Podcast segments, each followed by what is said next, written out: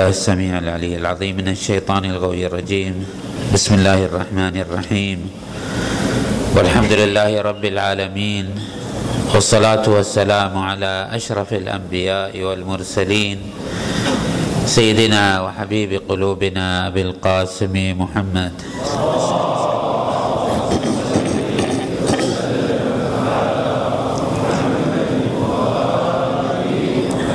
وعلى أهل بيته الطيبين الطاهرين المعصومين الميامين.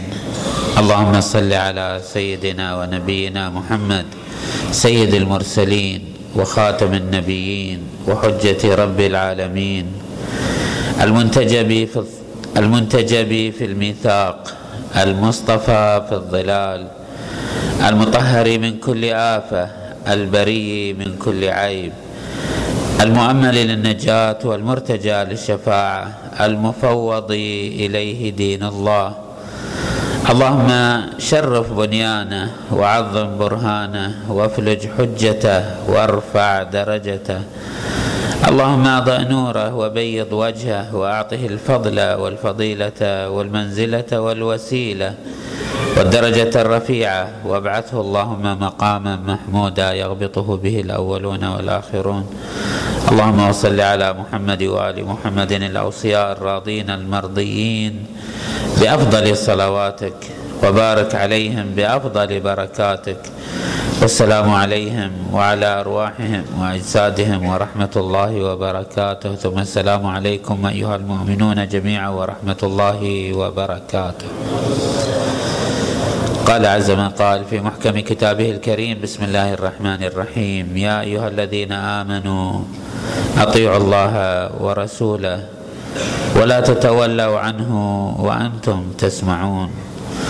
ولا تكونوا كالذين قالوا سمعنا وهم لا يسمعون. إن شر الدواب عند الله الصم البكر الذين لا يعقلون. ولو علم الله فيهم خيرا لأسمعهم ولو أسمعهم لتولوا وهم معرضون. يا أيها الذين آمنوا استجيبوا لله وللرسول إذا دعاكم لما يحييكم واعلموا أن الله يحول بين المرء وقلبه وأنه إليه تحشرون. صدق الله العلي العظيم. الدعوة الإلهية للإنسان كموجود استثنائي في هذه المخلوقات أي أن العالم كله خلق الله مدعوا ومدفوع إلى الاتجاه إلى الله عز وجل إلا أن هذا الدفع إجباري وقسري لكل الكائنات ما عداك انت أيها الإنسان فأنت مدعو إلى أن تسلك الطريق إلى الله باختيارك وإرادتك وهمتك وتدبيرك لنفسك. هكذا شاءت العناية الإلهية. أن تكون الحركة اختيارية في دائرة الإنسان وبعض الدوائر الأخرى. ولكن مصب الاهتمام الإلهي في هذا الكون هو أنت أيها الإنسان. هذه الأيام هذه اللحظات هذه الدقائق التي نحن فيها ونحن مقبلون عليها. أيام وساعات ودقائق استثنائية في هذه الدعوة الإلهية. أيام شهر رجب وشعبان وشهر الله الكريم رمضان. وهذه الأيام أيام مليئة بالمناسبات.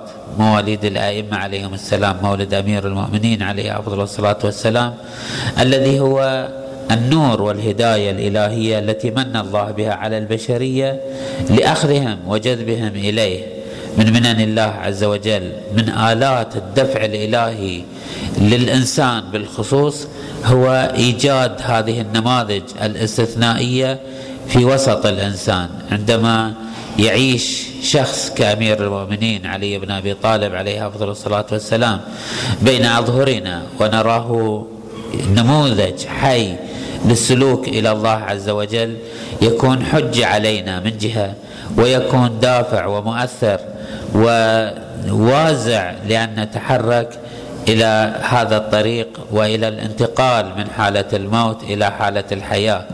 تعبر الآية القرآنية وبالصراحة يا أيها الذين آمنوا استجيبوا لله وللرسول إذا دعاكم. إلى ماذا يدعونا هذا النور وهذه الهداية وهذا الرشاد؟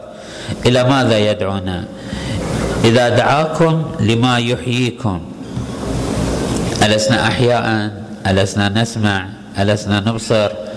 هل هذا الكائن الذي يتحرك الذي ينبعث في هذا الأرض ويزرعها وينميها وبنى هذه المباني وعمر هذه العمائر. أليس هو كائن حي؟ هنا يجب أن نفهم ما هي الحياة التي تدعونا إليها هذه الموجودات النموذجية. ماذا يعني بالحياة؟ ماذا يقصد بالحياة؟ طبعا القرآن الكريم في هذا المعنى يسهب كثير ولن يسع المجال لاستيعاب الإشارات القرآنية التي تؤكد على أن الحياة آه، هي آه، أمور ذات مراتب. ولكن نستعين في فهم هذا المطلب برواية جامعة تشير إلى هذا المعنى بشكل واضح ولعله طرقت أسمعنا هكذا رواية فإنه يروي جابر الجعفي قال قال أبو عبد الله عليه أفضل الصلاة والسلام الإمام الصادق كشاف الحقائق قال عليه أفضل الصلاة والسلام إن الله تبارك وتعالى خلق الخلق ثلاثة أصناف. إشارة إلى قوله عز وجل كنتم أزواجا ثلاثة أصحاب الميمنة وأصحاب المشأمة والسابقون السابقون. هؤلاء السابقون لهم خمسة مستويات من الحياة. تعبر الرواية خمسة أرواح. أي خمسة مراتب خمسة طبقات من حالة الحياة. ولكي تتضح الصورة أستعير هذا المثال. لأننا كلنا عبرنا ببعض مراحل هذه الحياة ولكن نحتاج إلى نحو تأمل في فهم هذه المراحل الحياتية. نحن في بدء في بدء نشأتنا. كنا حويمنات صغيرة أشبه بالنبات. لا تحس لا تتحرك. نعم هي حية فيها حياة. هي ليست حالها كحال الحجر والجماد. فيها نحو حياة. أنا وأنت وكلنا مررنا وعبرنا هذه الحالة. عندما الآن العلوم الحديثة تكشف لنا بشكل واضح هذه المراحل التي طويناها. نحن كنا في يوم ما لا نعدو أن نكون موجودات صغيرة مجهرية تسمى حويمنات. ثم هذا الحويمن طوى مراحل من الحركة الحياتية حتى أصبح جنينا في بطن أمه.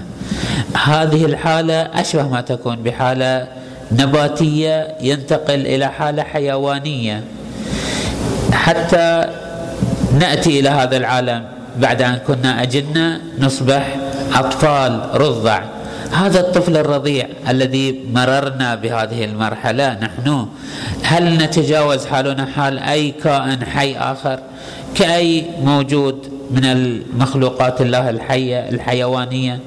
القطط والحيوانات الأخرى. ما الفرق بين هذا الكائن وذاك كله يأكل ويشرب؟ نعم فيه بعض الحركات الإرادية تعطيه مرحله مرحلة جديدة من الحياة تسمى بعد مرحلة نباتية مرحلة حيوانية. كنا نباتا أو أشبه بالنبات والآن أصبحنا كالحيوانات نأكل ونشرب. ثم نمينا وكبرنا وأصبحنا نعقل وتجاوزنا مرحلة الحيوان. أصبحنا نفكر ونفهم ونتألم ونتفاعل. ولكن هذه المرحلة الثالثة بعد النباتية والحيوانية ليست إلا مرحلة إنسانية. في هذه المرحلة تنادى أيها الإنسان يا أيها الذين آمنوا من هنا؟ لعله في مرحلة النباتية إلى مرحلة الحيوانية ومن الحيوانية إلى الإنسانية. حركتك كحركة أي كائن آخر حركة جبرية. لا تخرج عن حد أن تكون مسير في هذا الطريق. من هذه المرحلة؟ هذه المرحلة التي نعيشها نحن الآن. يا عندما نخاطب يا أيها الذين آمنوا. من خلال إيمان؟ من خلال الإيمان. هنا تدعون إلى أن تتحركوا إلى مراحل حياتية أخرى. تسميها الروايات حركة الإيمان. مرحلة الإيمان وهي مرحلة أسمى وأشرف من مرحلة الإنسان المحض. كما هو حال الشرف والسمو الذي بين مرحلة النبات ومرحلة الحيوان ومرحلة الحيوان ومرحلة الإنسان. هذا الإنسان عندما يبقى في حدود الكفر فهو يمتلك ثلاث مراتب من الروح نباتية وحيوانية وإنسانية. ولكن كم هو الفرق بين الإنسان والحيوان؟ كذلك هو الفرق بين المؤمن وغير المؤمن. هذه مرحلة جديدة من الحياة. تعبر الرواية يقول الصادق عليه أفضل الصلاة والسلام والرواية طويلة ولذلك أختصر منها النتائج. يقول عليه أفضل الصلاة والسلام إن الله تبارك وتعالى خلق الخلق ثلاثة أصناف كنتم أزواجا ثلاثة. ثم قال عليه أفضل الصلاة والسلام عليه أفضل الصلاة والسلام فالسابقون جعل فيهم خمسة أرواح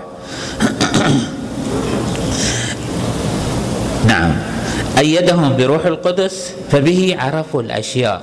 هذه أسمى مراتب الأرواح. الآن لو نبدأ من الأرواح الأدنى لكي يكون الرواية الرواية متسلسلة مع حديثي. جعل فيهم روح المدرج هكذا يسميه وهو روح النباتية. فبه نعم. ثم أيدهم بروح الشهوة وهي الروح الحيوانية. فبه استهوا طاعة الله.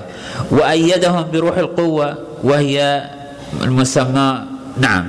روح المدرج هي النباتية والشهوة هي الحيوانية والقوة هي الإنسانية. ثم أيدهم بروح الإيمان فبه خاف الله. ثم أيدهم بروح القدس. إذا هناك مراحل من الحياة تسمو حالة هذه الحياة التي يعيشها الإنسان. مراحل لها طعمها ولها آثارها. كما هو الفارق أؤكد لكم أخواني أنه كما هو الفارق بين النبات والحيوان وبين الحيوان والإنسان هو الفارق بين الإنسان العادي والإنسان المؤمن حقيقة المؤمن الذي يعيش الإيمان الذي يتذوق طعم الإيمان الذي ينتقل من مرحلة الإنسانية المحضة التي لا تتجاوز في اهتماماتها حدود البدن. هذه حالة أخرى حياة أخرى. لعله لن تطال أطماعنا أن نبلغ حاله من القداسة وروح القداسة التي لا تغفل ولا تلهو ولا تنسى. هذا الذي نسميه معصوم. قد لا نصل.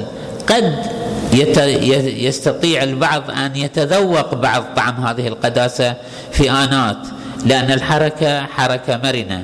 يعني الإنسان يستطيع أن يطوي بعض المراحل وقد يرجع في آنات من حياته.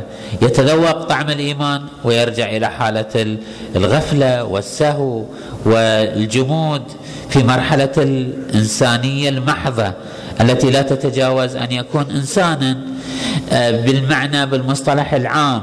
ليس انسانا بالمصطلح الحقيقي ليس انسانا بحقيقة الإنسانية. الإنسان ينطوي على روح القدس لا يحقق الإنسان لأنه كأي مادة خام كأي قطعة ذهبية خام. هذه القطعة الذهبية الخام يعني التي لا تتشكل فيها قابلية أن تتهيأ وتتشكل بأجمل وابهى الصور ولكن تحتاج إلى صياغة تحتاج إلى إبداع تحتاج إلى صنعة.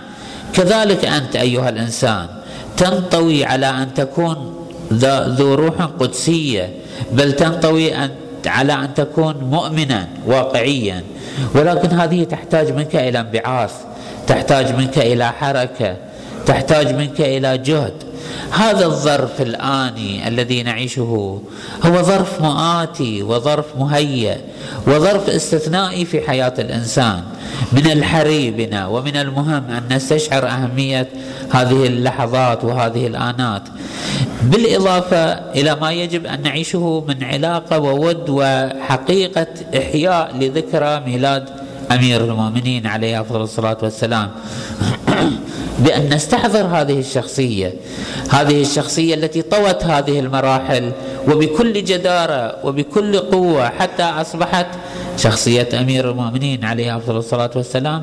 هي الشخصية الحية النموذجية التي يفترض أن يحتذى بها ويفترض أن يتبع هذا المنهج لأنه من خلال هذه الشخصية سوف تزول عنا غشاوة الإبهام والإرباك وسوف تثور في أنفسنا حالة من الجد والاجتهاد في أن نتحرك في هذا السبيل. علي بن أبي طالب عليه أفضل الصلاة والسلام قدمه لنا رسول الله صلى الله عليه وآله كصنعة نبوية. هو صنعه رسول الله صلى الله عليه وآله بعد أن وجد فيه المادة الخام الصالحة حتى اصبح هو عليه أفضل الصلاة والسلام. أمير المؤمنين اصبح هو صوت العدالة ورمز القيم وهو نموذج وتجسيد تام لكل معاني الكرامة والعزة والأنفة والشيم والقداسة والإيمان. بمثل هذه الشخصيات تدعونا السماء إلى الاقتداء. يقول الله عز وجل يا أيها الذين آمنوا استجيبوا لله وللرسول إذا دعاكم لما يحييكم واعلموا أن الله يحول بين المرء وقلبه. هذا يجب أن تتلمسوا هذه المعاني في أعماقكم. يجب أن نحس باليد الإلهية وهي تقلب قلوبنا بين أصبعين من أصابع الرحمن. هذه الحركة وإن كانت حركة إرادية ولكن تسير في ضمنها التدبير الإلهي والعناية الإلهية. أقصد من هذا الكلام الأخير هو أنه يجب أن نستثير في أنفسنا حالة من الجد والصدق في أن نسير إلى الله عز وجل. ولكن لا بالاتكاء على أنفسنا لا بالاعتماد على إرادتنا لا بالتعويل على همنا. لا يقع في نفس احدنا أنه سوف أبدأ من يوم غد وبإطلاق الإرادة الخاصة بأن أتحرك إلى الله بل أن يتوجه بقلبه وكله إلى التدبير الإلهي وأنه العمده في ذلك هو الجذبه الالهيه هو الإرادة الالهيه هو التدبير الإلهي. الله جل وعلا عندما يدعونا إلى أن نسير إليه يلفت أنظارنا إلى تدبيره عليها تدبيره عز وجل. واعلموا أن الله يحول بين المرء وقلبه. يعني أن الله جل وعلا هو الذي يقلب القلب هو الذي يسير القلب. استعينوا في هذه اللحظات وفي هذه الأيام وفي هذه الآنات القادمة على أنفسكم بالتوكل على الله والالتجاء إلى الله والشكوى إلى الله والالتجاء إلى سبيل السبيل إلى الله وهم أهل البيت عليهم أفضل الصلاة والسلام. توسلوا بأهل البيت عليهم أفضل الصلاة والسلام. بعلي بن أبي طالب الذي قدم هذا النموذج بأهل البيت عليهم أفضل الصلاة والسلام بما يشمل سيدتنا ومولاتنا زينب عليها أفضل الصلاة والسلام التي هي شهيدة هذا اليوم. هي النموذج المتولد من هذا من هذا الخط الناصع الصافي. في ختام هذا الحديث أشير بشكل سريع إلى ما إن شاء الله ندعو إليه الأخوة في هذا اليوم في منتصف شهر رجب وف نعم هدى الإمام الصادق عليه أفضل الصلاة والسلام أم داود وهي قصة مشهورة. هذه امرأة كبيرة في السن حبس ابنها في العراق وهي في الحجاز. أم داود ابنها اسمه داود ابن الحسن ابن هذا ابن الحسن المثنى ابن الحسن المجتبى عليه افضل الصلاة والسلام مولانا وسيدنا أبا محمد الحسن أبن أمير المؤمنين عليه افضل الصلاة والسلام. في بداية الدولة العباسية حكم حاكم جائر اسمه الدوانيقي أبو منصور الدوانيقي أخذ أبناء الحسن كلهم. عبد الله بن الحسن أبناء الحسن الثاني. عبد الله بن الحسن وعلي بن الحسن وأخوهم داود بن الحسن وقتلهم كلهم في العراق. ولكن بدعاء علمه الإمام الصادق عليه أفضل الصلاة والسلام دعاء الاستجابة. دعاء يسمى بدعاء أم داود علمه لأم داود آه، وهو دعاء عظيم الشان. دعاء هو طويل ولكنه سماه الإمام الصادق عليه أفضل الصلاة والسلام دعاء الفرج ودعاء الاستجابة. يعطي الله به من دعا به رغبته وحاجته وليس له من جزاء إلا الجنة. هذا الدعاء سوف إيه، نقيمه إن شاء الله بعد صلاة الظهر. فمن أحب أن يشارك هذا الدعاء طبعا هذا الدعاء مربوط بصلاه ثلاثة أيام. يوم الثالث عشر والرابع عشر والخامس عشر قد لم نوفق كلنا إلى هذا العمل ولكن أصل المشاركة في هذا الدعاء أو جزء من آه، هو مدعاة إن شاء الله للتوفيق والهداية والحمد لله رب العالمين وصلى الله على محمد وأهل بيته الطيبين الطاهرين.